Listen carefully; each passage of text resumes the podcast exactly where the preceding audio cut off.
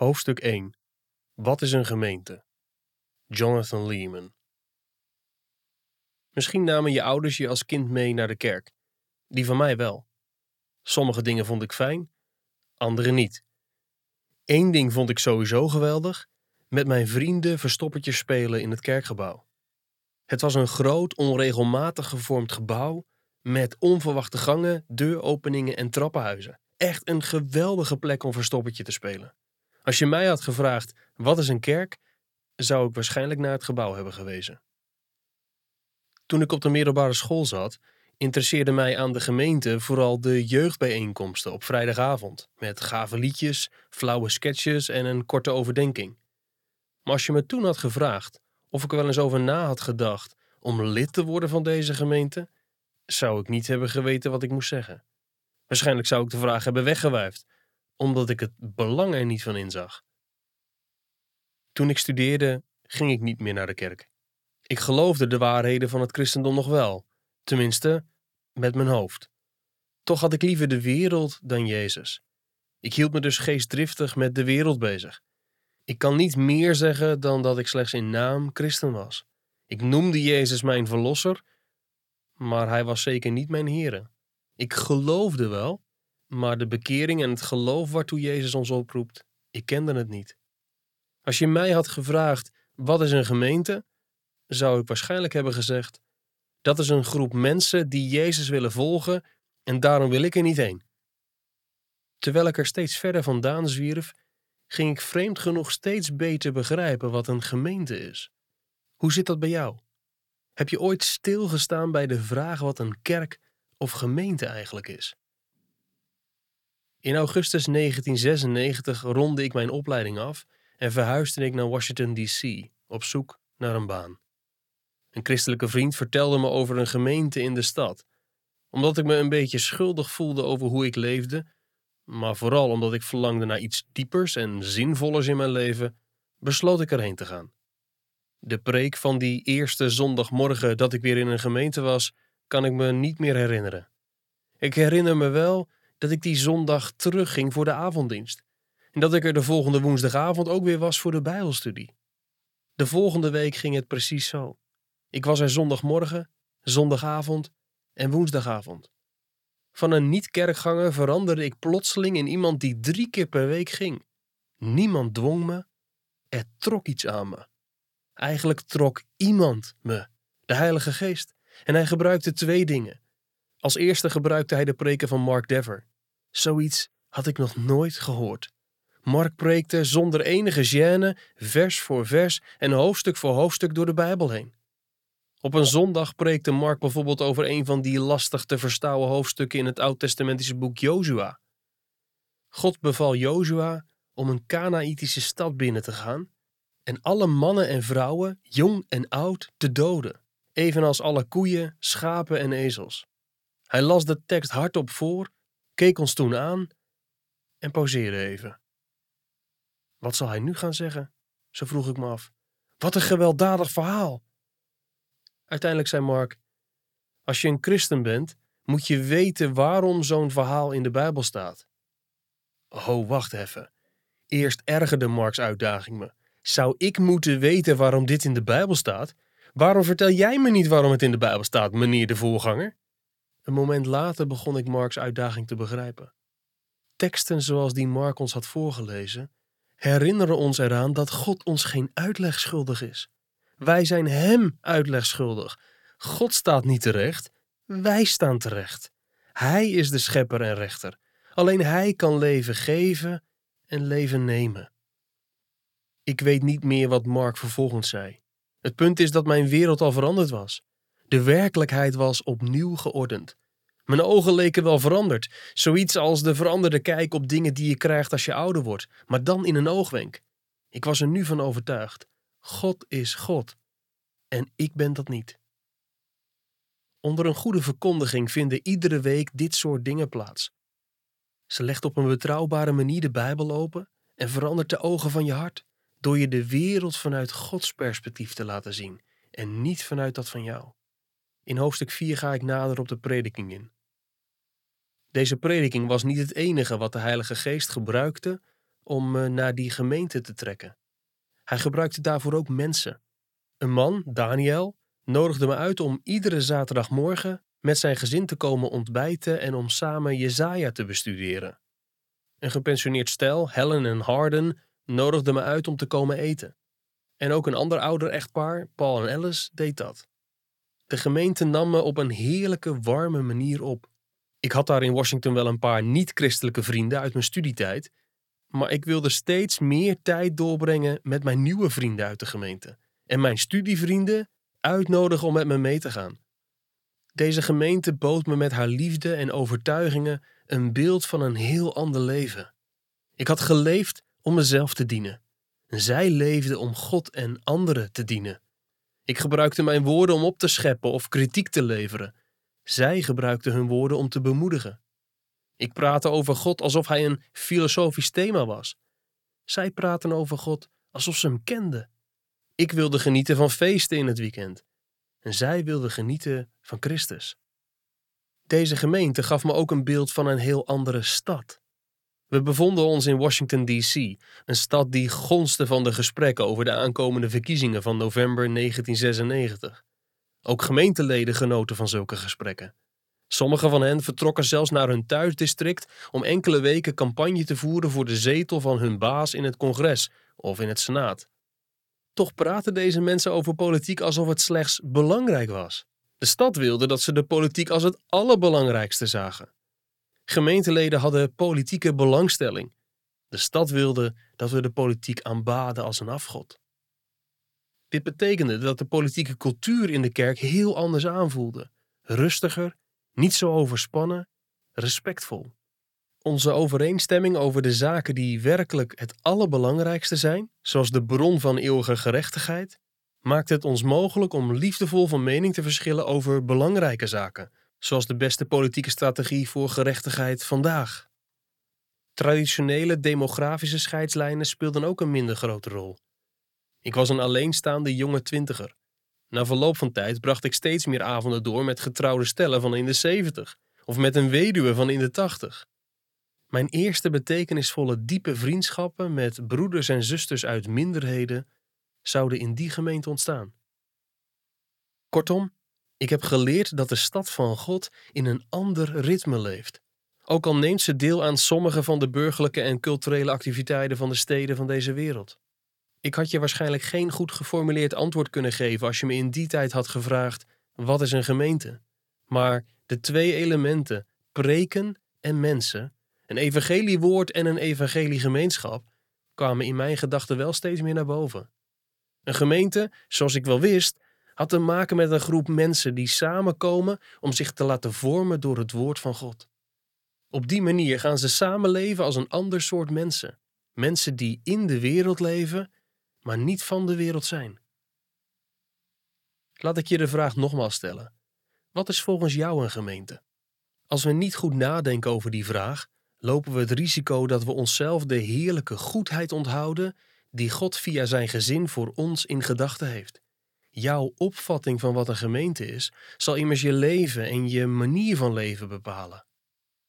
Denk bijvoorbeeld aan hoe mensen tegenwoordig praten over lid worden van een gemeente, alsof het een club is, of over naar de kerk rijden, alsof het een gebouw is, of over genieten van de kerk, alsof het een show is. Welke vooronderstellingen leven er in ons als we zo over de kerk spreken? Hoe vormen deze vooronderstellingen onze manier van omgaan met onze gemeente? Het lijkt me dat ze het voor ons gemakkelijk maken niet langer dan anderhalf uur per week over onze gemeente na te denken en die verder te negeren. Maar wacht even, horen we dan vanuit de schriften. Een gemeente is een bijeenkomst en gemeenschap van het gezin van God, het lichaam van Christus en de tempel van de Geest. Als we onze gemeente blijven behandelen als weinig meer dan een club, een gebouw of een show, dan missen we een enorme hoeveelheid steun en zegen die God ons wil geven. In dit boek willen we je helpen de gemeente opnieuw te ontdekken. We willen dat je gaat begrijpen wat een gemeente is. En ook gaat ontdekken wat de rijkdom is van het leven als een broeder of zuster in het gezin van God. We willen dat je de vreugde ontdekt van het leven als een deel van het lichaam van Christus, verenigd met andere delen van zijn lichaam. We willen ook dat je ontdekt dat het leven als een steen van de heilige tempel waarin God nu op aarde woont, een kracht is die tegen de cultuur ingaat. We willen dat je al deze voordelen en zegeningen gaat ervaren, zowel omwille van jezelf als van je niet-christelijke vrienden en buren. We willen dat je opnieuw ontdekt waarom je naar de kerk gaat. Meer dan wat dan ook hebben je niet-christelijke vrienden niet alleen jouw evangeliewoorden nodig, maar ook een evangeliegemeenschap die getuigt van de waarheid van jouw evangeliewoorden. Je wil dat ze naar het leven van je gemeente kijken en ze zeggen: God verandert mensen echt. Hij bouwt een stad van recht en gerechtigheid hier in deze gemeente. Zie ook 1 Korinthe 14, vers 25 en Hebreeën 11, vers 10. Denk eens met me mee. Amerikaanse politieke leiders hebben de Verenigde Staten lang een stad op een berg genoemd. Juist de ontdekking dat onze gemeente van die steden op een berg zouden moeten zijn, maakt onderdeel uit van het herontdekken van de gemeente, of we nou in de Verenigde Staten leven of elders. Dat is wat we allemaal, christenen en niet-christenen, het hardst nodig hebben in cultureel en politiek roerige tijden. De hemel zal niet op aarde neerdalen via een bepaald land of volk. Hij is bij geen enkel volk op aarde neergedaald, aangezien God zijn aanwezigheid verbonden aan de tempel van het oude Israël. Daarom is het heel opmerkelijk en verbazingwekkend dat jouw gemeente, waarvan wij willen dat je die herontdekt, de plaats is waarvan de Bijbel zegt dat de hemel daar op aarde begint neer te dalen. Het koninkrijk der hemelen is nabijgekomen. Matthäus 4. Gods wil wordt hier op aarde gedaan, zoals in de hemel. Matthäus 6. We verzamelen hier al schatten in de hemel. Matthäus 6. We binden en ontbinden hier op aarde wat in de hemel gebonden en ontbonden zal zijn. Matthäus 16 en 18. We zijn de hemelse tempel. 1 Korinthe 3 en 1 Petrus 2. Via onze gemeenten die bijeenkomen, raakt de hemel planeet aarde aan. Als dit gebeurt, bied je de burgers van je land hoop op een beter land en de inwoners van je stad hoop op een betere en blijvende stad. Voor welke uitdaging je ook staat als Amerikaan of niet-Amerikaan, als etnische minderheid of meerderheid, als rijke of arme, jouw hoop op een rechtvaardige en vreedzame samenleving moet niet gevestigd zijn op de koninkrijken van deze wereld. Die moet gevestigd zijn op de koning zelf, die bezig is zijn hemels koninkrijk te vestigen in de voorposten die we plaatselijke gemeenten noemen. Wat is een gemeente? De Bijbel gebruikt allerlei beelden om die vraag te beantwoorden. Het gezin en de huishouding van God, het lichaam van Christus, de tempel van de geest, de pilaren en het fundament van de waarheid, de bruid van Christus, de kudde van Christus en nog zoveel meer. Elk van deze beelden vertelt ons iets wonderlijks over jouw gemeente en die van ons. We hebben al die beelden nodig, omdat er geen andere organisatie, geen ander lichaam, geen ander volk is dat je met de gemeente kunt vergelijken. In de inleiding hebben we er al een paar van besproken en in de loop van dit boek zullen we ze steeds meer noemen. We geven je hier nu de theologische definitie van een gemeente, die we in de rest van dit boek zullen uitleggen. Een gemeente is een groep christenen, hoofdstuk 2, die samenkomt als een aardse voorpost van Christus hemelse koninkrijk, hoofdstuk 3, om het goede nieuws en de bevelen van koning Christus te verkondigen, hoofdstuk 4, om elkaar als zijn burgers te versterken door middel van de sacramenten, hoofdstuk 5 en Gods eigen heiligheid en liefde te vertonen. Hoofdstuk 6. Door een volk dat één en verschillend is. Hoofdstuk 7. In heel de wereld. Hoofdstuk 8. En dat de leer en het voorbeeld van de ouderlingen volgt. Hoofdstuk 9. Toen ik een paar maanden in Washington woonde, nodigde een van mijn nieuwe vrienden me uit om lid te worden van de gemeente. Eigenlijk nodigde hij me uit om in het mannenhuis van de gemeente te komen wonen, waar in principe alleen gemeenteleden mochten wonen. Het was een mooi rijtjeshuis in Capitol Hill, een gewilde buurt, en de huur was laag. Oh zeker, ik word lid van de kerk. Vertel me maar hoe ik me kan inschrijven, zei ik. Wat ik deed omdat het financieel aantrekkelijk was, wilde God ten goede gebruiken. Voordat ik lid kon worden, vroeg de gemeente me eerst een aantal lidmaatschapslessen te volgen en een gesprek te hebben met Mark, onze voorganger. Omdat ik in een gemeente was opgegroeid, wist ik de juiste antwoorden al. De gemeente stemde er toen in november 1996 mee in om mij als lid op te nemen. Als je mij in die tijd had gevraagd wat de gemeente is, dan had ik waarschijnlijk een heel vaag en algemeen antwoord gegeven. Ik herinner me dat ik op een dag met Mark had geluncht en hem had lastiggevallen met de vraag waarom onze gemeente per se een baptistengemeente wilde zijn. Dat was het soort dingen waarover ik me op mijn 23ste druk maakte. Om eerlijk te zijn stond ik dat eerste jaar met één voet binnen en één voet buiten de gemeente. Op zaterdagavond feestte ik met niet-christelijke vrienden. Op zondagmorgen ging ik naar de kerk. Het was alsof ik op twee paarden tegelijkertijd probeerde te rijden. Je snapt dat zoiets niet altijd zo kon doorgaan. Maar de Heere was genadig. Beetje bij beetje veranderde hij mijn verlangens en zo begon ik voor één paard te kiezen. Ik begon me te bekeren en ik ging Jezus zien als verlosser en Heere. De Bijbel begon interessant te worden. Christelijke vrienden gingen steeds meer voor me betekenen. Zonde leek steeds dommer en ronduit verwerpelijk. Bekering hield in dat ik de zonde van mijn jeugd liet varen. Het soort zonde waar jeugdleiders middelbare scholieren voor waarschuwen. Bijbelse bekering heeft echter ook een gemeenschappelijke dimensie. In mijn geval betekende dat het opgeven van mijn leven als ongebonden, op zichzelf staand individu.